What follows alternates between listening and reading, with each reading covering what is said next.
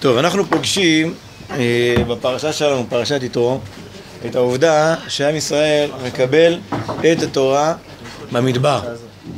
ונשאלת השאלה, למה דווקא במדבר? למה, למה קבלת התורה הייתה דווקא במדבר? וכמובן, מה זה אומר לי ולכם בחיים ממש הפרטיים שלנו? אה, אה, אנחנו נלמד בכיוון מסוים, מרכזי, כאן, כאן, כאן. אנחנו נלמד בכיוון מרכזי, וזה יענה לנו על שאלה גדולה מאוד בחיים. ייתן לנו הדרכה גדולה מאוד מאוד מאוד בחיים שלנו, כל אחד. לפני כן נשאל עוד שאלה. אתם מכירים את התחושה הזאת, שאדם באופן כללי, ככה עובד השם וכולי, אבל כשהוא במצב אה, אה, של סערה בחיים, מכל מיני בחינות, אז הוא אומר, בסדר, עכשיו השם... אה, עכשיו זה לא, עכשיו השם אוכל לי, עכשיו, עכשיו, עכשיו זה לא קריטי. כשאני, כשאני אחזור לשגרה, נחזור אה, לעבוד בעבודת השם, אבל עכשיו, מה, עכשיו אני ניטול ידיים ככה בשטח, בצבא, עכשיו אני חייל, עכשיו אני חייל, אחר כך, עכשיו אני בטיול. האם זה נכון, המבט הזה? אנחנו אה, נדבר על זה. טוב, אז אה, לפני שניכנס, אנחנו נלמד דברים של אדמו"ר מפיאסצנה. לפני שניכנס אליו, אליו, נזכיר ככה את התשובות המפורסמות והחשובות מאוד של המהר"ל, למה התורה ניתנה דווקא במדבר? בגלל שכדי לקבל את התורה צריך להיות כמו מדבר. באיזה מובן? במובן הזה שאתה לא שקוע בתאוות, כי מה מיוחד במדבר? אין שם כל כך חיים עולם... אדם ששקוע בתאוות. מי המעבדים? זה המהר"ל. כן, זה פשוט. שאם אדם, כך היא דרכה של תורה, פד המלך תאכל וכולי, כל הרוצה לזכות בכתר תורה, אומר הרמב"ם, אז הוא לא יכול להיות שקוע בענייני העולם הזה, זה לא עובד ביחד, בהלכות תלמוד תורה, ככה אומר הרמב"ם, שזה לא עובד ביחד. למה? כי זה עמדה נפשית שצריכה להיות, שמתאימה, צריך להיות בעמדה נפשית שמתאימה לתורה. אם אדם שקוע בענייני העולם הזה, כל התורה היא עסוקה באידיאלים, ברצון השם, והאישיות שלך כולה הולכת בכיוון הפוך, זה מצחיק. הבנתם? כולה תקועה בתוך העולם הזה. לכן הוא אומר, כתר תורה מונח ועומד לכל. אה, מי שנשאו לקיים מצווה זו כראוי לה, ללמוד להיות שקוע בתורה, להיות מוכתר בכתרה של תורה, לא יסיח דעתו לדברים אחרים, ולא ישים על ליבו שיקנה תורה עם העושר והכבוד כאחד. כך הוא דרכה של... זה לא הולך ביחד. אם אתה משקיע בזה, אם אתה משקיע בלהיות איש עולם הזה, אז זה מפריע לך להיות איש רצון השם, איש אידיאלי, איש קדושה. זה... לכן התורה ניתנה במדבר, כי במדבר אין הרבה, העולם הזה, העולם הזה לא פורח שם כל כך. עוד הסבר, צריך הרבה ענווה, כי המדבר הוא, הוא קשור לענווה שכולם דשים בו. כולם הולכים, זה לא של אף אחד, כולם עוברים, עושים שם מה שהם רוצים, זה לא של אף אחד. אתה גם כן צריך להיות כזה ענב כדי להתאים לתורה. משה הוא הצינור לתורה, מה שעשה אותו הכי מתאים לתורה זה הענווה שלו, כי הוא שקוף לדבר השם, שקוף, בלי נגיעות, בלי אגואיזם, בלי איך אני רוצה, איך... טהור, טהור, רק טהור, הזדהות מוחלטת, נאמנות מוחלטת לטוב המוחלט. ענווה. טוב, אבל אנחנו לא נדבר על שני הדברים האלה, למרות שהם מאוד חשובים, אנחנו נלך בדרכו של האדמו"ר מפיאסצנה. בספרו אש קודש על הפרשה הזאת. האדמו"ר מפיאסצנה, להזכירכם, היה מגדולי האדמו"רים בפולין לפני השואה, כתב המון ספרים, נשארו לנו חלק, ונרצח בשואה. בגטו ורשה הוא היה, אני לא זוכר איפה הוא סיים, אבל הוא נרצח בשואה. ותוך כדי השואה, הוא עדיין היה עושה בגטו אה, שיעורים. וכל מוצ"ש הוא היה כותב תקציר של כל השיעור שלו, ובסוף כשפינו את הגטו, מה הוא עשה? שם את הכל בתוך קופסה, ושם את זה מתחת לבית, וכתב לשלוח את זה לאחי בתל אביב. אחיו זה מי שנקרא אדמו"ר החלוץ. לשלוח לאחי, ישעיהו, שפירא ותל אביב, ככה כתוב בתחילת הספר. איך? אני לא יודע, אני לא יודע. לא, לא, לא. לא חושב. ואחרי הרבה שנים, לא, הרי הגטו חרב, כן, הפציצו אותו וכולי, אחרי הרבה שנים מצאו שם את הכתבים האלה ופרסמו את זה. יש לו עוד ספרים, אבל פרסמו את זה, וזה הספר שיש לנו, אש קודש. מכירים את הספר? אש קודש. אנחנו נלמד עכשיו מהספר הזה. מה מיוחד בספר הזה? מה? כן. מה מיוחד בספר הזה? מה שמיוחד בספר הזה זה שהוא כל הזמן, היות וה... במה... הוא נכתב תוך כדי השואה, אתם קולטים? הוא נכתב בג... במחנה עבודה. הוא, הוא, ככה, זה בסוג של מחנה עבודה, הוא, הם היו קמים כל בוקר לעבוד, אם אני לא טועה, אצל שולץ בנעליים. להכין, אה, דרך אגב, להכין לצבא הגרמני אה, נעליים, אם אני לא טועה. בכל אופן, הם קמו, כל, הם, הם, הם, בתוך נוראות השואה, זה נכתב. לכן, איזה אווירה יש בספר? האווירה בספר היא, הדרשות עסוקות בעיקר, הרי למי הוא, למי הוא מדבר? הוא מדבר עם הציבור. ומה הציבור רוצה עכשיו לשמוע? איך תקווה, ובעיקר איך מתייחסים למצב הזה? מה עושים כשיש כאלה צרות בחיים? הבנתם? לכן הרבה מהדרשות שם בספר הזה, שבניגוד לספרים אחרים שלו, שזה לא הנושא המרכזי, מי שקורא רק אש קודש חושב, חושב שיש פה איזה רב שכל הזמן עסוק באיך להתמודד עם אתגרי החיים וקשיי החיים. לא. בספר הזה זה הנושא, כי ברור, כי זה מה שעכשיו הלב של הציבור ושלו בעצמו עסוק בו, בשאלה הזאת. בשאלה הזאת, זאת שאלת החיים. איך מתמודדים עם, עם, עם, עם אה, מערבולות ו, ואתגרי המציאות. לכן בתוך המציאות הזאת נכתב הדרשה גם הזאת, שאנחנו נלמד עכשיו, וגם היא תיקח את, אה, את פרשת יתרו למקום הזה של התמודדות עם קשיי החיים. בסדר? אז אה, בואו תעבירו את הדף במהירות. למי שהגיע מאוחר, אנחנו אה, הסברנו ככה את הרקע, שהדברים שנקרא עכשיו הם מאדמו"ר מפייסצנה ונכתבו בעיצומה של השואה. ואתם תראו תכף למה זה חשוב לדעת את זה. אתם תראו את האוריינטציה שלו בכל הספר.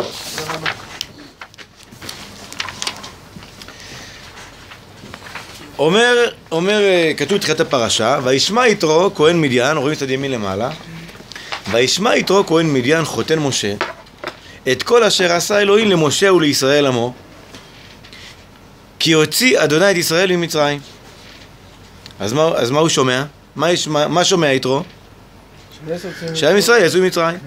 ויקח יתרו חותן משה את ציפורה, אשת משה אחר שילוחיה, כן, אחרי שמשה החזיר אותה אה, למדיין, ואת שני בניה, אשר שם האחד גרשום, כי אמר גר הייתי בארץ נוכריה, ושם האחד אליעזר, כי אלוהי אבי בעזרי ויצילני מחרב פרעה. ומה הוא עושה יתרו אחרי שהוא שומע? הוא לוקח את המשפחה של משה, ויבוא יתרו חותן משה ובניו ואשתו אל משה, אל המדבר, אשר הוא חונה שם הר האלוהים. הם באים אל משה, אל המדבר, אל הר האלוהים. המדרש שואל, תסתכלו ברש"י, תסתכלו ברש"י מתחת, וישמע יתרו, מה שמועה שמע ובא, מה גרם ליתרו להצטרף לעם ישראל למדבר? תשובה, קריעת ים סוף ומלחמת עמלק. זה מה שהוא שמע. מה אתם אומרים על זה? הוא שמע על קריעת ים סוף ועל מלחמת עמלק. מה אתם אומרים על זה? לא מציג את עצמו, לא מציג את עצמו באור חיובי. כאילו, אה, זה עם שקורא לו דברים טובים, כאילו, ממש כמו לעבור לברלין קצת, כאילו. אה, כן. שם סבבה, נעבור לשם, כאילו. נכון, אז זאת שאלה ראשונה. מה, הוא כאילו מציג את יתרו כאחד שעושה, אה, יש שם ניסים, יש שם זה, אני בא. עוד שאלה, לאור זה שקראנו את רש"י, ואת הפשט גם בפסוקים, הרי בפסוקים כתוב, אני אעזור לכם, הרי בפסוקים כתוב מה הוא שמע, מה כתוב? מה הוא שמע? את כל אשר עשה, אה, אה, כי הוציא השם את ישראל ממצרים. זהו, זה, זה מה שהוא שמע. שעם ישראל יצא ממצרים. אז מה אתה, מה אתה אומר לי, קירת ים סוף ומלחמת עמלק? מה, למה אתה אומר דווקא את זה? הבנתם את השאלה? בסדר? אז בואו נראה. זאת בעצם השאלה ששואל האדמו"ר מפיאסצנה, שם ייקום דמו, אה, על הפרשה. דרך אגב, תראו מה זה אה, כותרת מזעזעת. פרשת יתרו, בשבת זו הייתי בהיחווה. אתם מבינים מה זה? זאת אומרת, הוא בשבת הזאת היה בהסתתרות, כנראה היה איזה אקציה בגטו, איזה פינוי, משהו, והוא היה צריך להתחבות. גם הרב טייכטל הרי כתב את ספרו עם הבנים שמחה תוך כדי אה, השואה, כשהוא מתחבא. אז גם פה, הוא אומר, בשבת הזאת אני הייתי במחבוא. תחשבו, תדמיינו רגע, איש כזה, קודש קודשים במחבוא, והנה, תראו, בואו נראה מה הוא אומר לנו. וישמע יתרו. הוא פירש רש"י, מה שמועה שמע ובא, קריאת ים סוף ומלחמת עמלק, ונודע את הקושייה בספרי כבוד קדושת אדוני וכולי. ובשאר ספרים קדושים, איזה, איזה קושייה יש? מה ששאלנו הרגע. מה שואל רש"י? מה שמועה שמע ובא? הפסוק מפרש. מה הוא שמע? כי הוציא השם את ישראל ממצרים. ולמה משיב רש"י, קריאת ים סוף ומלחמת עמלק? מה, זה מה שהוא שמע? ולא כמו שמפורש בפסוק, כי הוציא השם את ישראל ממצרים. עד כאן השאלה שדיברנו עליה מקודם. נכון? למה הוא שינה? למה רש"י אומר שיתרו שמע דברים אחרים? כתוב בפסוק מה הוא שמע, מה אתה מתייחס דווקא לדברים האלה? אז אנחנו נראה את התשובה, נלמד אותה בשתי קומות, ונראה איך אנחנו לוקחים מזה דברים חשובים מאוד לחיים שלנו. ממש, ממש. זה יכול להיות ממש מצפן לחיים. ודרך אגב, ברקע שאתם נמצאים עכשיו, זה לכולנו מתאים, אבל אתם שככה נכנסים עכשיו לצבא, אז זה ממש אה, ראוי להבין את מה שאנחנו יכולים ללמוד עכשיו. אז בואו נראה מה הוא אומר. אבל, קבלת התורה במדבר הייתה, במדבר הייתה. ואפשר לרמוז גם לה, שהיית בספרים, בספר הקדוש בית אהרון, על, על רש"י, מה זה שמע ישראל השם אלוקינו השם אחד? מה זה? שלא יהא ליבך חלוק על המקום. מה זה? ואומר בקודשו, שלא תאמר, במקום הזה אפשר לעבוד את השם, ובמקום הזה אי אפשר לי. אל תגיד, בסיטואציה הזאת אני יכול לעבוד את השם, בסיטואציה הזאת קשה לי לעבוד את השם, אני לא יכול לעבוד את השם, אל תגיד את זה. רק בכל מקום צריכים לעבוד את השם. עד כאן. לכן, אילו קיבלו ישראל את התורה בארצם, בארץ ישראל, היו חושבים שרק במקומם ובביתם אפשר להם לקיים את התורה, ולא כשהם בגולה ומטורדים. לכן נתן השם להם את התורה במדבר, בדרך וטלטול, שידעו שבכל מקום צריכים לקיימה. כנ"ל, שלא יהיה לבך חלוק על המקום. זאת אומרת, שמע ישראל, איך זה קשור לשמע ישראל השם אלוקינו השם אחד? השם אחד הכוונה, שרק השם הוא אלוקינו, ורק השם האחד הוא מחולל כל המציאות. הוא ברא את כל המציאות ואת כל הסיטואציות במציאות. ואותו השם אחד שברא את הכל ואפשר את הכל, הוא גם זה שציווה אותנו בתורה. מה זה אומר? שהאם יש סיטואציות אה, לא צריך לעבוד את השם. הם, אה, יש, יש תחומים בחיים או סיטואציות בחיים שהם לא קשורים להשם אחד? אין. למה? כי אנחנו מונותאיסטים. אנחנו יודעים שהשם אחד, אחד הכוונה, רק הוא, הכל, הכל, הכל ממנו, אין שום מקור אחר למציאות. ואותו, והוא ציווה אותנו, אז מה זה אומר? שאין סיטואציה שאנחנו נמצאים בה שהיא כאילו במקרה פה. שהיא, השם תקוע איתה, אני תקוע איתה, לא. השם אחד, יש, זה שהוא אין סוף יכולת ואין סוף אהבה, הוא ציווה אותך בסיטואציה הזאת. הבנתם? אז אין סיטואציה שאי אפשר לעבוד בה את השם. לכן, משה אה, אז לכן הקדוש ברוך הוא נתן לנו את התורה דווקא במדבר, לא במצב הרגיל, במצב ה... ה... בדרך, במצב ש... תבינו מה זה במדבר, מדבר צריך להבין מה זה, זה לא, אל תדמיינו זה טיול שנתי. מדבר זה אנשים לא בבית שלהם, כל בוקר קמים, לא יודעים, לא נוסעים, לא נוסעים, גרים באוהל. מה יהיה? לאן הולכים? מתי נגיע? מה נאכל מחר? זה מדבר, זה מדבר, יש מן. אין לך עץ ענבים בגינה. יש מן, או שהוא ירד או שהוא לא ירד מחר. איפה אתה גר? באוהל. כל המציאות של החיים במדבר היא כולה, מה היא? כולה בדרך, היא כולה מצב לא יציב, מצב לא יציב בעליל. מסכימים? זה מדבר. והתורה ניתנה דווקא שם, כדי ללמד אותנו שמה? שגם בכל מצבי החיים, מצ... צריך אה, לעבוד את השם. עם ישראל קיבל את התורה דווקא במדבר ללמדנו שגם במדבר של חיינו צריך לקיים את התורה. האם הקומה הזאת ברורה? ולמה? כי השם אחד. אותו מצווה, הוא גם מחולל כל המציאות וכל המאורעות במציאות. אז הוא לקח אותם בחשבון כשהוא ציווה אותך. הוא לקח אותם בחשבון. יותר מזה אגיד לכם, הוא אפילו יצר את המציאות, את, את הסיטואציה הזאת בשבילך. כי יש בה כנראה בסיטואציה הזאת אור מיוחד שאתה יכול להיבנות ממנו. תקשיבו טוב מה אמרנו. כל סיטואציה שקורה לנו, מי יצר אותה? השם. למה? כי השם אלוקינו, השם אחד. אין עוד מקור אחר למציאות. ולמה הוא יצר אותנו, את אותה סיטואציה? כי הוא אוהבינו. והוא ציווה אותנו באותה סיטואציה לעבוד את העבודה המיוחדת לאותה סיטואציה. תדמיינו, כל אחד מאיתנו את המורכבויות של החיים שלו. הם לא תקועים, הם מוכוונים על ידי הקדוש ברוך הוא כדי שאנחנו נעבוד באותה סיטואציה דווקא. דווקא. עם השכן הזה, עם הכוחות האלה, עם הכישרונות האלה, במדבר הזה, ביבשה הזאת, בים הזה, בכל סיטואציה שאנחנו נמצאים בה, צריך לעבוד את השם. השם ברא את הסיטואציה הזאת. בצורה הכי מדויקת בעולם. כי יש ערך מיוחד לעבודת השם שלך בסיטואציה הזאת שהשם אותי, הטיל אותך אליה. יש תפקיד מיוחד. בסדר? לכן בכל מצב עובדים את השם, ולא רק זה, אלא אנחנו גם יודעים שכל סיטואציה היא הכי לכתחילה בעולם לעבוד בית השם. אין סיטואציה שלא צריך לעבוד בית השם. בסדר? אפשר להגיד שם גם רושם את זה מהגטו, כאילו, במצב הכי... נכון, נכון. בסיטואציה כאילו הכי... נכון, נכון. בגטו הוא כותב את זה, בסיטואציה הכי הכי שקשה לעבוד בית השם. בהיחווה בגטו, הוא רואה סביבו, אתם יודעים, אתם יודעים איך נראה הנוף בגטו? ראיתם קצת תמונות? אנשים מתים ברחובות מרעב. מתים, מכות רצח שאנשים חוטפים לידך. פינויים מהגטו, שכולם מבינים לאט לאט לאן זה הולך, הפינויים האלה. עבדות יותר גרועה ממצרים זה היה. עבדות מטורפת, ורציחות, ומיטות משונות, ומחלות שמסתובבות, ואיפה הרמה הרוחנית, תחשבו איפה, וצפיפות, בתוך כל הגיהנום הזה, אין מצב שלא עובדים בו את השם. כי השם אלוקינו יצר את כל זה, כדי שנעבוד בזה, ויש לזה תפקיד מיוחד. עד כאן הקומה הראשונה. עכשיו עולים עוד קומה, כן. אני רוצה לדבר לך על הרב, הוא אמר שהסיבה שהשם הביא את התורה בדרך, כן. זה בשביל שאנחנו, ולא הביא אותה בארץ ישראל, בשביל שאנחנו לא נחשוב שצריך לעבוד את התורה דווקא בבית. דווקא כשאתה בבית, כשאתה במצב הרגיל שלך. אוקיי. השאלה הזו מתבקשת אוטומטית, זה אם מביא את זה בדרך, למה הוא לא פחד שיקרה... שיקרה משהו אחר? מה? שיחשבו שהתורה זה כשאתה, כשאתה בדרך, כשאתה לא זוכר בדיוק איפה השם, שם, זה, שם, שם אתה עובד את השם. יפה, שאלה טובה. שאלה טובה. תשובה, כי כתוב בתורה שצריך ללכת לארץ ישראל.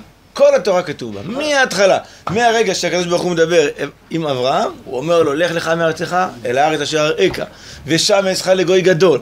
ואחר כך השם אומר ל- ליצחק, כולם, הכל בארץ ישראל, ועם ישראל יוצא ממצרים כדי להגיע, והבאתי אותך אל הארץ. הכל כדי להגיע בארץ. ולכן השאלה גדולה, אם התורה היא תורת ארץ ישראל, התורה היא תורה שמתאימה בארץ ישראל. למה? לא נסביר עכשיו, על רגל אחת, רק בארץ ישראל נשמת האומה, והמצוות הן תנועת חיי נשמת האומה. זה על רגל אחת, אבל זה נושא ארוך. אז דווקא בארץ ישראל התורה והמצוות צריכים להיות. אז למה הקבלה הייתה צריכה להיות דווקא שם? דרך אגב, לפי חלק מהדעות, זה גם ארץ ישראל שם. חלק. פרבר של. לא באותה מדרגה, יש מדרגות. עשר מדרגות יש בארץ ישראל. בסדר? אתה צודק, אבל לכן כתוב בתורה הרבה פעמים, כדי שלא ניפול למה שאמרת. שאלה טובה. אז עד כאן הקומה הראשונה, צריך לעבוד את השם בכל סיטואציה. עכשיו עולים עוד קומה, שימו לב. לכן, אפשר, רש"י ז"ל שואל כזאת על יתרו. אני אגיד לכם קודם כל בעל פה. יתרו, מה הוא חשב לעצמו? יתרו חשב לעצמו, מה עמלק חשבו לעצמם? כתוב שעמלק רצו לקרר את עם ישראל מהמצוות, נכון? שואל רש"י, איך, אה, שואל יתרו, איך עמלק חשב לקרר את עם ישראל למצוות? הרי הרגע הם ראו את מה? את עשרת המלכות ואת קריעת ים סוף. מי שראה הרגע את קריעת ים סוף, יכול להיות שהתקרר ליבו בעבודת השם? איך הם רצו לקרר את עם ישראל בעבודת השם? הרגע עם ישראל היה בקריעת ים סוף, אי אפשר לקרר את הדבר הזה. מי שהיה שם ראתה שפחה על הים, מה שלא ראה יחזקאל בן בוזי, מה חשב לו עמלק? תשובה, עמלק אמר, הם בדרך. נכון שהם רגע יצאו מהים וראו את קריעת ים סוף, אבל הם בדרך, הם עכשיו מוטרדים, הם בבלגן, ובגלל שהם בבלגן, למרות שהם ראו, וברור להם מה המטרה בחיים, וברור להם, הם ראו את, הם ראו את השם, הם התנבאו, למרות שהם היו במצב הזה, אבל עכשיו הם מוטרדים, זה לא יעזור שהם ראו שבוע שעבר, כי עכשיו הם מוטרדים ואני אצליח לקרר אותם. זה עבד לו? זה לא עבד לו. למה? כי עם ישראל קיבל את התורה בדרך, דווקא בדרך. וזה, ומה זה בנה בו? זה עבד, בו, עבד לו קצת, בסוף ניצחנו. ולמה, למה, אשר קראך, נכון. ולמה, למה זה לא עבד לו? בגלל שעם ישראל קיבל את התורה בדרך. וזה יצר באותו ערב, ו- וזה הנושא של השיעור, קבלת התורה בדרך יצרה אצל עם ישראל הזדהות עם התורה. העמקות בדעת השם כזאת, שאחר כך בכל מצב אפשר להפיל יותר את עם ישראל. הבנתם? דווקא קבלת התורה בדרך, שימו לב, מהי הקומה הראשונה שלמדנו? שצריך לעבוד על השם גם כשאתה בדרך. הקומה השנייה אומרת ככה, דווקא קבלת התורה בדרך יוצרת אצלך יחס לתורה ששום קבלת תורה אחרת לא יכלה ליצור בך ואחר כך זה ישנה לך את כל התורה שתעשה כל החיים גם בבית. זה מה שיתרו הבין. ולכן הוא בא לקבל את התורה דווקא במדבר. הוא הרי הוא יכל לחכות בבית, להגיד למשה, משה, שלח אליי שליחים שיגיירו אותי. כמו שהוא עשה, הרי הוא גייר אחר כך, הוא חזר לבית, גייר את המשפחה. למה הוא בא למדבר? כי הוא הבין דבר גדול, שכשמקבלים את התורה במדבר, דהיינו, בלשון של המאמר הזה, כשמקבלים את התורה בשלבי, בשלבים הסוערים בחיינו, בשלבי המעבר, בשלבים שאנחנו בדרך, כשאנחנו בצבא, כשאנחנו בטיול בחו"ל, כשאנחנו עכשיו במעבר בין עבודות, כשאנחנו עכשיו אה, באיזו סיטואציה מסובכת בחיים. אז דווקא אז, כשאנחנו מקבלים בסיטואציות המורכבות האלה, ואתה מקבל את התורה, דהיינו מתמיד, מתמיד בעבודת השם הרגילה שלך, זה ייצור בך איכויות של קשר כאלה לתורה, ששגרה לעולם לא יכלה ליצור בך. ותכף נבין למה. הבנתם? ואפילו עמלק לא יכול עליך. ולכן הוא בא לקבל את התורה דווקא במדבר. בגלל שהוא הבין את זה. זה מה שעזר לעם ישראל, שעמלק לא הצליח לחסל אותו. זה שהם קיבלו את התורה דווקא במדבר. הבנתם? בואו נראה את זה בפנים ואז נסביר למה. וזה עיקר השיעור שלנו. למה? למה זה נכון? שדווקא כשמקבלים את התורה במדבר, זה יוצר קשר מיוחד לתורה. יודע? שאלה ברורה? איך זה קשור לשאלה ש... כאילו, על רש"י. השאלה על רש"י, למה אתה אומר שהוא, אה, אתה אומר, כתוב בתורה כי הוציא השם את ישראל ממצרים, למה אתה מפרט דווקא את הפירוט הזה? אני כבר עונה לך. זאת אומרת, באמת הוא פירט, רש"י פירט בתוך כל הסיטואציה הזאת שהוציא את מצרים, שני אירועים, איזה? קריעת ים סוף ומלחמת עמלק, כדי ללמד אותנו שעל מה בנה, על מה בנה עמלק? הרי עמלק בא אחרי קריעת ים סוף, איך הוא חשב לקרר את עם ישראל בעבודת השם? הוא בנה על זה שהם בדרך, אבל הוא לא זכר שהם גם קיבלו את התורה בדרך. אבל הרב, וזה מה שגרם לו, שכל הקריאות וכל החושך הרוח- הרוחני שטמון ב- ב- ב- ב- ב- ב- במי שקוראים לו עמלק לא עזר. ולא הצליחו לקרר את מלחמה? איך? מה עמלק רוצה להשיג מאיתנו? עמלק, די עם השנאה הזאת, הם- אין לנו שום אה. אופי של עם ב- בתקופה הזאת. בקריאת אין ים לנו סוף. שום אה, אמירה. עמלק, לא. בקריאת ים סוף- קריאת ים סוף אותו דבר? עמלק הוא הפוך מעם ישראל. ראשית גויים עמלק. לא היה עם רגע, ישראל. רגע, רגע, רגע, רגע, רגע, רגע. כמו שכל עצמותו של עם ישראל זה הצד המוסרי והאידיאלי והאלוקי במציאות, ככה כל מהותו של עמלק זה להילחם בדבר הזה. אם תרצו, קראנו בשיעור על אנטישמיות, שאומר אומר לעצמו היטלר, למה אני שונא את עם ישראל? כי הם הביאו לעולם את המוסר ואת המצפון. בשביל זה אני שונא אותם, רק על זה, על זה אני שונא אותם. זה הפוך ממה שאני רוצה. אז אני לא יודע אם היט- היטלר הוא הזרע הגנטי או הרוחני של עמלק, אבל זה עמלק. מי ששונא את מי שנושא את רצון השם בעולם, את האידיאלים. מי שרוצה הפוך מאידיאלים, ברבריות פראית וזהו. זה קלישאתי לאללה, אנחנו, לא הייתה לנו אפילו אמירה כאילו בתקופה הזאת. איזה עם מסריח רוצה לחזור לבצלים ולקישואים במצרים, זה עם עם מוסר? זה עם, עם שאין לו כלום. מה שמיוחד, שאלה מעולה, מה שמיוחד בעמלק זה שהוא רואה עמוק. הוא רואה את הטבע. גם עמלק מיוחד. כן, בהחלט, הוא ראשית גויים. בוא נראה את היטלר. אם היית בא, סרול, ואומר להיטלר, תקשיב, אדוני, אתה רוצה לחסל אותי בגלל מצפון, מוסר, תורה? תקשיב, אני כופר, בן כופר, בן כופר. שלוש דורות אנחנו לא יודעים, לא קשורים לעם ישראל. אנחנו רק מחפשים להתבולל. תשובה? למשרפות, אחי. למה? כי מה הוא קלט? שזה טבע. שרצון השם זה טבע. מתגלה, לא מתגלה, יתגלה בבן שלך. אני מכיר אתכם, אני קולט אתכם, עמוק אני קולט אתכם, אינסטינקט. הנה, זה עובדות מהדור שלנו. אם הייתי אומר לך את זה בלי עובדות מהדור שלנו, היית אומר, מה קרה לך? אתה מדבר איתי על איזה אינסטינקט שהיה לעם הזה? כן, הנה, תסתכל. זה שאתה... הרי לא הרגו יהודים בגלל שהם היו דתיים. זה לא עניין אותו אם אתה דתי או לא. אתה יהודי, זהו. היו שם אנשים חילונים גמור, חילונים גמורים שנרצחו בשואה. גמורים. גמורים גמורים. אבל הם יהודים, זה הטבע שלהם. הוא אומר שרק קשור לזה, זה אפילו לא הלכתי. יש בו, יש בו, יש בו את הטבע. בסדר? הבנתם קודם כל את הקומה, עוד לא הסברנו אותה, אבל הבנתם את הקומה השנייה שבמאמר הזה של האדמו"ר מפייסצנה? שכשמקבלים, שכש- כששומרים את התורה, כשדבקים בטוב המוחלט, כשדבקים באידיאלים האלוהיים, בתוך המציאות המורכבת זה יוצר אצלך שייכות לתורה, שאחר כך אי אפשר להזיז אותך מזה. למה? תכף נראה. אז בואו נראה את זה קודם כל בפנים. לכן, אפשר, רש"י ז"ל שואל כזאת על יתרו. מה שמועה שמה הוא בא? למה הוא צריך לבוא? כי היה יכול לשבת בביתו ולשלוח למשה רבנו שישלח לו איזה איש מישראל שיגיירו וילמדו תורה. למה הוא בא למדבר? למה הוא לא שלח שמישהו יבוא ללמד אותו? למה? כמו שהוא שב לביתו לגייר את בני משפחתו. למה הוא בא בעצמו למדבר? מה יש במדבר? ועל זה מתרץ. קריעת ים סוף ומלחמת עמלק. איך זה עונה על השאלה? כי עמלק רצה לקררם. ואיך זה עלה בדעתו שיוכל זאת אחר קריעת ים סוף? שראתה שפחה על הים, מה שלא היה יחזקאל בן בוזי. אבל עמלק חשב, כיוון שהם בדרך חס ושלום, יוכל להם. אף שכבר היו במדרגה גדולה כזו. נכון, הם היו במדרגה גדולה. אבל הם עכשיו בדרך. וזה אשר קרחה איפה? בדרך. שעל זה שמח. על מה שמח עמלק? על זה שהם בדרך.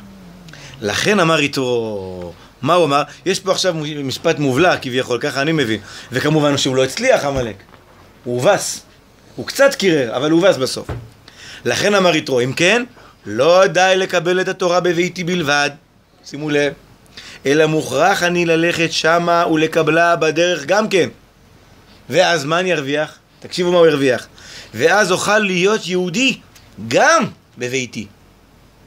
זאת אומרת, אם אתה רוצה לקיים את התורה במצוות כמו שצריך בשגרה, בבית, אתה צריך לעבור את כור הדרך ולעבוד שם את השם, ואז ייצור שיש יש קשר מיוחד בינך לבין התורה, שגם העבודה שלך בשגרה בבית תהיה אחרת.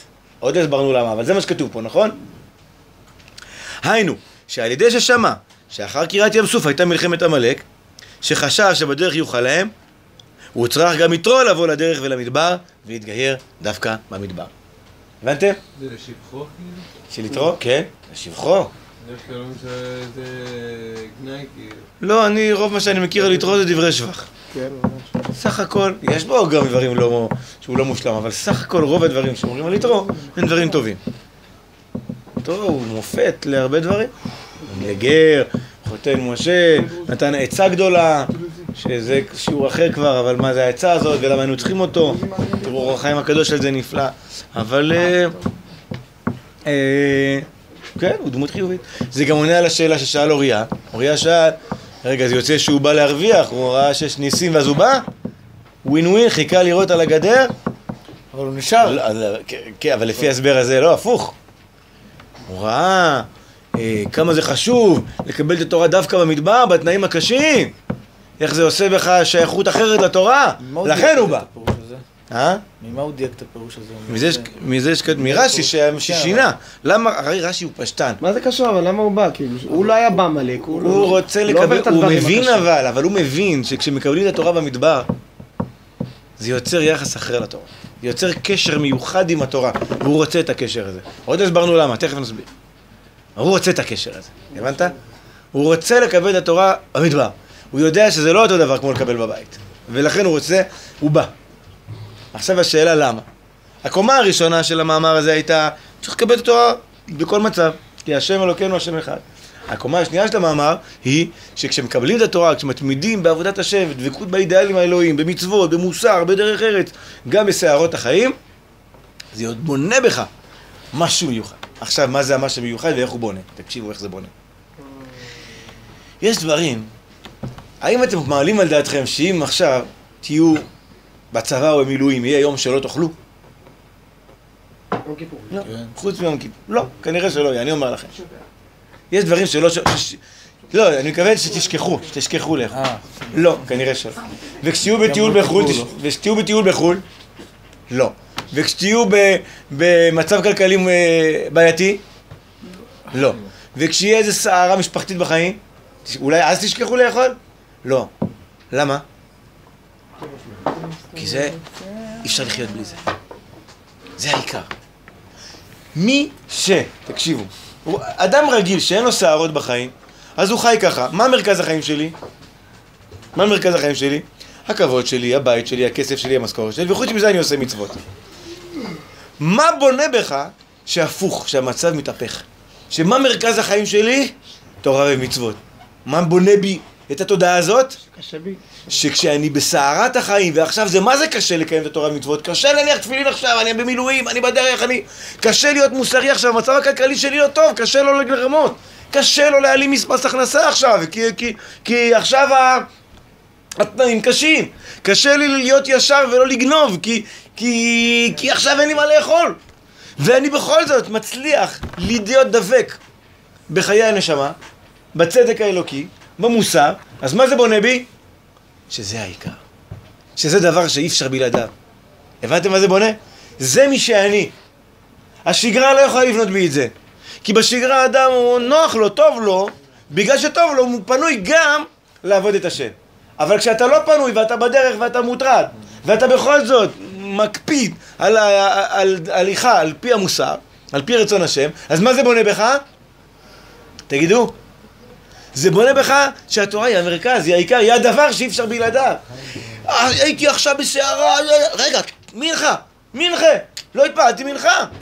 רגע, היית עכשיו, רגע, תפילין, אני צריך תפילין, אני חייב תפילין, לא יכול להיות יום בלי תפילין. מה זה בונה בך? וואו, תפילין של אחרי פעם אחת ששילמת כזה מחיר? אין פה תפילין, אדוני, יש רק בכפר ליד. מה, אני אלך עכשיו חמש קילומטר אחורה? בטיול? זה הורס, זה מוריד לי גם יומיים מהטיול. בתאילנד, מה, יום אחד אחורה אני הולך עד לכפר השני, ועד שאני אחזור, להביא את התפילין? לא, אני, אין חיים, אין, אין דבר כזה בלי תפילין, איך יכול להיות? לא שווה לי כלום הטיול בלי תפילין. אני לא אלך בלי תפילין. המצב הכלכלי קשה, נו בסדר, אז תיקח, תגיד לו ככה ותרמה ותרוויח כל כך הרבה כסף. אין דבר כזה. לא, זה העיקר בחיים שלי. זה מהותי. זה מהותי, עבודת השם היא מהותי, היא עיקר ענייני בחיים. אתם מבינים את, המ... את, את ההבדל התהומי בין מי שגם עושה מצוות לבין מי שזה תוכן חייו? מה ייצור את זה? לקבל התורה, המדבר, להקפיד. נגיד אדם עכשיו באיזה ריב, משהו, מקפיד, לא מדבר לשון הרע, למרות שהוא סוער ויש לה... ועץ הרע אומר לו, תדבר עליו ואז אה, יהיה לך טוב. לא, לא מדבר לשון הרע. לא מלכלך, לא גונב, לא מרמה, לא מבטל תפילין. זה יוצר שזה המרכז. האם אתם מבינים מה הכוונה זה המרכז או לא? האם אתם מבינים שזה תוכן החיים שלנו? ממה אתם שמחים בסוף היום? מכמה דפי גמרא למדתם וכמה מעשים טובים עשיתם ולכמה אנשים עז- עזרתם וכמה פעמים לא דיברתם לשון הרע או שאתם שמחים בסוף היום ממה? מכמה כסף הרווחתי היום. זה, מהפך. למה רק מקציעים את זה? בוא נשאל את זה ככה. אני לא, אני לא עסוק בכמה כסף הרווחת היום, אלא אני עסוק בסדר, בזה כי אתה לא עובד עכשיו. לא, אני עסוק בזה שפרנסתי את המשפחה שלי. גם כן, זה? אני רוצה מזה שפרנסתי את המשפחה שלי. זה רצון השם. שתפרנס את המשפחה שלך, זה טוב מאוד. אבל האם- מרכז החיים שלך, תבינו, זה היחס שלי לילדים, מה חשוב לי בילדים, מה חשוב לי עם עצמי, מה חשוב, במה אני משקיע, מה לא יקרה, לא משנה איך יתהפך, אני לא אפספס את זה. לא נורא אם יום אחד אני לא ארוויח כסף, אבל יום אחד בלי תפילין לא יקרה. בונה בי כל התפילין שלי מאותו יום והלאה, זה לא אותו תפילין. בצבא, אה, כשאני הייתי, גם היום יש בסיסים כאלה, היה בסיס אחד ליד ירוחם, שהיינו שם בחורף, שהיה אוהל, והנטילת ידיים בחוץ גם הייתה. סיפרתי לכם פעם. היית צריך לפני הנטילת ידיים לסדר את היד בצורה כזאת, איך שאתה רוצה שהיא תהיה בארוחה, ואז אתה נוטל. למה? מה? אתה צריך לסדר את היד, איך, שאתה רוצה ככה, איך אתה מדמיין איך אתה מחזיק מזלג, ואז אתה נוטל ידיים. למה איך שאתה גמרת את הנטילה ככה זה נשאר. קור מוות. כאילו זה קור מוות! זו הייתה בדיחה, כן, זו הייתה בדיחה שהיינו ככה מספרים, אה, שתכניסים את היד ככה כמו זה, למה אחרי הנטילה זה לא זז. קור מוות! דרך אגב, אני כמה פעמים ככה חוויתי בחיים שהאצבעות לא מתפקדות. פעם עשיתי טיול עם חבר שלי, אני וחבר שלי, אה, מעטרת כהנים לים המלח. פעם עשינו מעטרת כהנים לים- ל- ל- ליריחו. היינו עושים ככה, בלילות, בלילות, בלילה. יוצאים מהישיבה עד ל- עד לים המלח. בדרך השטחים, ערבים, עניינים. היינו, אל תעשו את זה, זה סתם שיגעון. ברגל, ברגל. עד האריכו ברגל? כן. אז, אה, אז אה, שניים, שני אנשים. אז אה, למה סיפרתי? אה, אז פעם אחת הלכנו הרבה, וזה היה בפעם שהלכנו לים המלח, ובאמצע הדרך רצינו, המעיל כבר התחיל, בגלל שהלכנו עש- עשרות קילומטרים. אז היה חם עם המעיל, והיה קור חורף, אמצע הלילה של חורף קפוא. רצינו להוריד את המעיל ולא הצלחנו. אמיתי.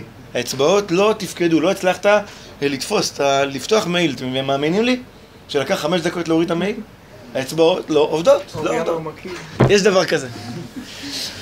אז ר- למה סיפרתי את כל זה? נטילת ידיים אחת כזאת שאתה אומר אין דבר כזה שאני מוותר על זה. אין, אני נוטל ידיים. מה זה יוצר בך?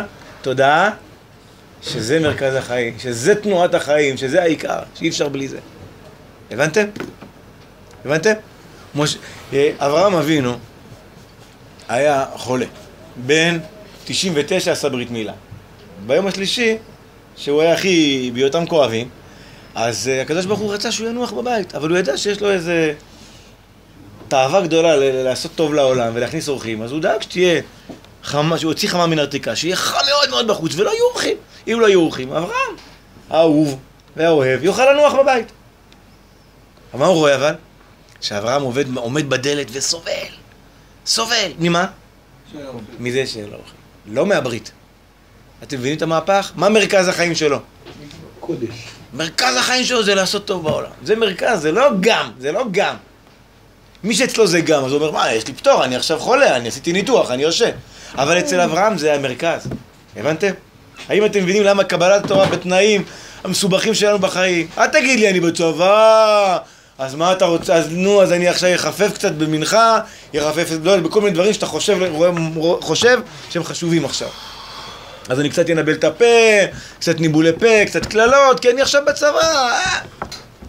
תראו, זה נכון שככל שהתנאים יותר קשים, אז הפשע הוא פחות חמור, יש נסיבות מקלות, זה נכון. אבל אם אתה רוצה לבנות בעצמך איכויות מיוחדות, זאת הדרך.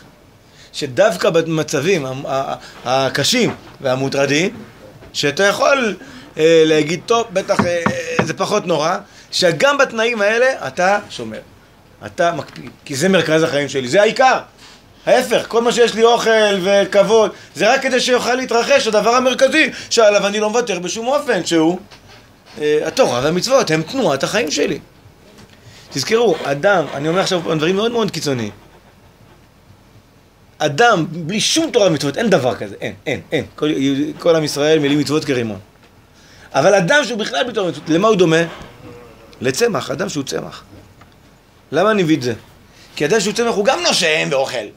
אבל כול, לכולנו ברור שהוא... כולנו עצובים, אנחנו, למה? כי עיקר מהותו לא יוצאת לפועל. נכון? עיקר מהותו הוא לא שר, לא כותב, לא מחנך, לא אוהב, לא כלום. אותו דבר, אדם בלי מוסר, צדק, תורה, מצוות, בחיים שלו הוא לא, הוא לא, לא חי בכלל, רשעים בחיים קרויים מתים. וההפך, צדיקים במותם קרויים חיים. כי החיים האמיתיים חיי הנשמה, הם חיי הצדק, זאת תנועת החיים האמיתית שלנו. ואיך אנחנו הופכים, איך עושים את המהפך הזה, איך? איך, איך אני ואתם נצליח להחדיר לעצמנו את התודעה הזאת, איך, איך אפשר? תשובה? לזה נועדו, נועד מה? המדבר, הבדרך, זה השם ידאג בדרך הזה. יש לנו בדרך כאלה בחיים, תחזיק עמדה שם, כי זה העיקר. תחשוב על זה, למה אני מחזיק עמדה? למה אני מחזיק עמדה? כי זה העיקר. כי זה העיקר, לכן אני מחזיק עמדה. בשביל זה אני חי.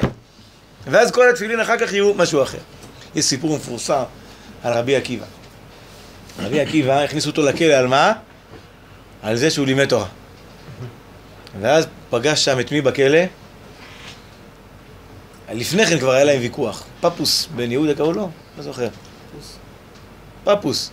פפוס אמר לרבי עקיבא, איך אתה מלמד תורה, איך אתה מסתכל? בן יהודה זה לא זה שהיה עם רשב"י? 20 דולר. יכול להיות שאני מחליף. אה, לא, זה יהודה בן גרים, אני חושב. אה, עם רשב"י זה יהודה בן גרים. אה, פפוס הזה נתפס גם כן, יושבים יחד, הוא שואל את, תקשיבו, הוא שואל את רבי עקיבא, למה אתה מלמד תורה? תקשיבו, הוא שואל את רבי עקיבא, למה אתה מלמד תורה? יש, הרי הרומאים גזרו גזירה שמי שילמד תורה, יהרגו אותו. תגידו, הוא אומר דבר ישר או לא? כן. לכאורה הוא אומר דבר ישר. מה ההיגיון ללמוד תורה אם יהרגו אותך? מה, מה, מה, מה זה שווה? הבנתם את השאלה? מה זה שווה? איך אתה מסתכן בשביל לימוד תורה? מה עונה לו רבי עקיבא? מי זוכר? מה התשובה? התשובה היא הסיפור, אומר לו בוא אני אענה לך. הדגים היו בים, בנהר, פתאום באו, בא הדייג והתחיל לזרוק רשתות. והדגים בורחים מהרשת לפה, מהרשת לשם. בא השועל ואמר להם, תקשיבו, אני רואה שממש קשה לכם, אה, כל הזמן אתם צריכים לברוח מרשתות ומחכות. יש לי פתרון. בואו אליי פה לאדמה, פה אין חכות ואין רשתות. מה אתם אומרים לפתרון? מקסים. אמרו לו הדגים, שועה, אתה שועל שאומרים עליך שאתה חכם, וזה טיפש. פה, במקום חיותנו, אנחנו צריכים לברוח, אבל מחוץ למים אנחנו מתים לגמרי. מה רצה רבי עקיבא להגיד לו במשל הזה? אתה מניח שיש דבר כזה חיים בלי תורה, אתה מניח שיש דבר כזה, ולכן יש לך שאלה, מה שווה לי, למה אתה מסכן את החיים בשביל אקסטרה? בשביל האקסטרה, שמה האקסטרה? תורה, יש חיים, ויש אקסטרה תורה, אבל יש גם חיים בלי תורה, נכון? זה מה, ש, זה, מה ש- זה מה שמונח בשאלה שלך, למה אתה מסתכן ומלמד את עם ישראל תורה. אבל אני לא חושב ככה, אני לא חושב שתורה זה אקסטרה. אני חושב שתורה זה עצם החיים, זה מה שעומד, זה העומק של הסיפור הזה. זה עצם החיים. אז מה אתה אומר לי? תפסיק ללמוד תורה, ואז הרומאים לא יעשו לך כלום, לפחות תחיה. זה, זה כמו שהשועל אומר, בוא מחוץ למים, ואז. החכות לא יעשו לך כלום, הרומאים לא יעשו לך כלום. אבל אני לא חי. זה לא נקרא חיים. תורה ומצוות הם תנועת החיים של עם ישראל. מוסר, צדק, רצון השם, הוא תנועת החיים של עם ישראל. הוא החיים של עם ישראל. הבנתם? הבנתם? ומי יוצר את כל ה... מי, מי, מי יעזור לנו להטמיע את כל המבט הזה שהוא כל כך קשה? גם אם אדם מדמיין שהוא כזה, זה לא קל, לי, זה לא קל להיות כזה. מה יעזור לי להיות כזה? המד... המצבים שבהם אני במדבר. וכמו שאמרתי, הדברים האלה נכתבים מהחווה בתוך הגטו. אם הוא היה צריך להתחבות כנראה היה איזה משהו מיוחד, חיפשו, הרגו, לא יודע. ומשם הוא כותב את זה, אנחנו לא זזים מהחשבון. גם בגטו, לא מפסיקים. תבינו, אש הקודש, כן, כמו הספר, השם של הספר. מה עכשיו בתנאים האלה? עוד להגיד רשות? עוד ללמוד תורה בגטו ככה במדבר? כן, כי זה העיקר, זה החיים. אז יש פה רשתות, אז מה, אבל זה החיים. זה החיים, זה החיים. כמובן צריך ללמוד למה זה החיים וכולי, אבל זה המבט של אה, רבי עקיבא. תמיד אה, רשמתי לי פה את השיעור הזה, ככה לא לימדתי כמה שנים, אבל רשמתי לי פה קצת שני שמות של אנשים ביישוב. ואתמול ניסיתי לחשוב למה, למה רשמתי לי אותם לפני השיעור בפעם שעברה שלימדתי. אתם יודעים למה? שני האנשים האלה היו מפוטרים בערך שנה מהעבודה שלהם. ובמקרה, יצא לי באותה תקופה, באותה שנה, לפני, לפני שעברתי את השיעור הזה, לשוחח איתם. אמרתי לאחד מהם, מה, אתה לא מקבל עבודה? הוא אמר לי, אני מצאתי כמה עבודות, אבל בכל העבודות שמצאתי, אני צריך לוותר על התפילה במניין. אז לא לקחתי אותה. או שאני צריך לצאת מיד. הוא האיש הזה, כל יום, עד היום, זה האיש שהתפלל פה היום מאחורה. עד היום, הוא, אחרי שהוא גומר להתפלל, יושב עוד חצי שעה, לומד תורה. בלי זה, החיים שלו לא חיים. ולכן, הוא נשאר מובטל עוד כמה חודשים. עד שבסוף הוא מצא עבודה שהוא ימשיך, יוכל להמשיך לחיות. ועוד מישהו, מהנדס ביישוב, שגם כן אה, היה מפוטר, מובטל בבית, תבינו, זה לא פשוט להיות בבית מובטל. משפחה גדולה. שאלתי אותו, מה, למה אתה זה? הוא סיפר לי שבעבודה ביקשו ממנו, הוא מהנדס, ביקשו ממנו לעשות דברים לא ישרים, לרמות, להגיד, לעשות משהו שהוא לא בסדר. והוא, ש... והוא לא היה מוכן, עד שפיטרו אותו, אמרו אי אפשר לעבוד איתך, אתה... נחפש מישהו אחר, שזה מאוד משמעותי. אם אתה מתעקש על הקיר הזה, אז הפרויקט הזה עולה עוד מיליון שקל. מיליון שקל בגללך? לך מפה. רימה או לא רימה? לא רימה, ישב בבית, מובטל. למה? כי זה העיקר, זה העיקר. מה זה? איך יכול להיות ש... אבל לא תהיה לך פרנסה. לא תהיה לך פרנסה. ירדפו אחריך רשתות. אז מה? זה החיים. בסדר? זו דוגמה, דוגמה, דוגמה ממש חיה על הדבר הזה. זה כמו שאמרתי לך, אם נגיד אתם עכשיו תהיו, זה דבר שאני תמיד אומר, נגיד שהגעתם לאיזה מפעל הייטק, וזה, מבסוטים, הכל, פתאום יש שם בעיה קשה מאוד של צניעות. עכשיו תקשיבו, אני אומר דוגמה קיצונית, התאהבתם באיזה מישהי שם, כל, ממש, אתם ממש מרגישים, ואתם נשואים, והיא נשואה, ואתם ממש מרגישים, מה עושים? מה עושים? חס וחלילה. אוי ואבוי. קודם כל חבל שזה קרה, כי אם היית שומר את כל מה שצריך, את העיניים ואת המחשבות, זה לא היה קורה. אבל קרה, קרה, קורה. תעזוב את העבודה. מה? מה? כן, זה החיים. החיים זה הצד הרוחני שלי, זה הצד הערכי שלי. זה הרצון השם שלי. בסדר? נחתום, יש... עוד פעם, כי הכל קשור בשאלה מה עצמי ומה אמצעי. מה עצמי בחיים ומה אמצעי לחיים, בסדר? יש סיפור, אני בדרך כלל מסביר אותו אחרת, אבל אני רוצה להסביר אותו ככה. מכירים את הסיפור על אותו אחד שחלם חלום שמתחת לגשר בווינה, כן. יש הוצאה, חזר החלום, חזר, חזר, חזר, הלך לאותו גשר, התחיל לחפור מתחת לגשר, בא שוטר. אמר לו, מה אתה עושה? אמר לו, אתה לא תאמין לי. אמר לו, מה אתה עושה? אמר אומר, טוב, אני אספר לך מה, אני אגיד את האמת וזהו. חלמתי. שמתחת לגשר הזה יש אוצר. אז הוא אומר לו, ולמישהו הזה קראו מוישה והוא גר בפרנקפורט, לא יודע, בסדר? אומר לו השוטר, נו אז מה? בגלל שחלמת? אז אני חלמתי שמתחת לתנור בבית של משה מפרנקפורט יש אוצר. אז מה, אז אני אלך לבית של זה לחפש את האוצר?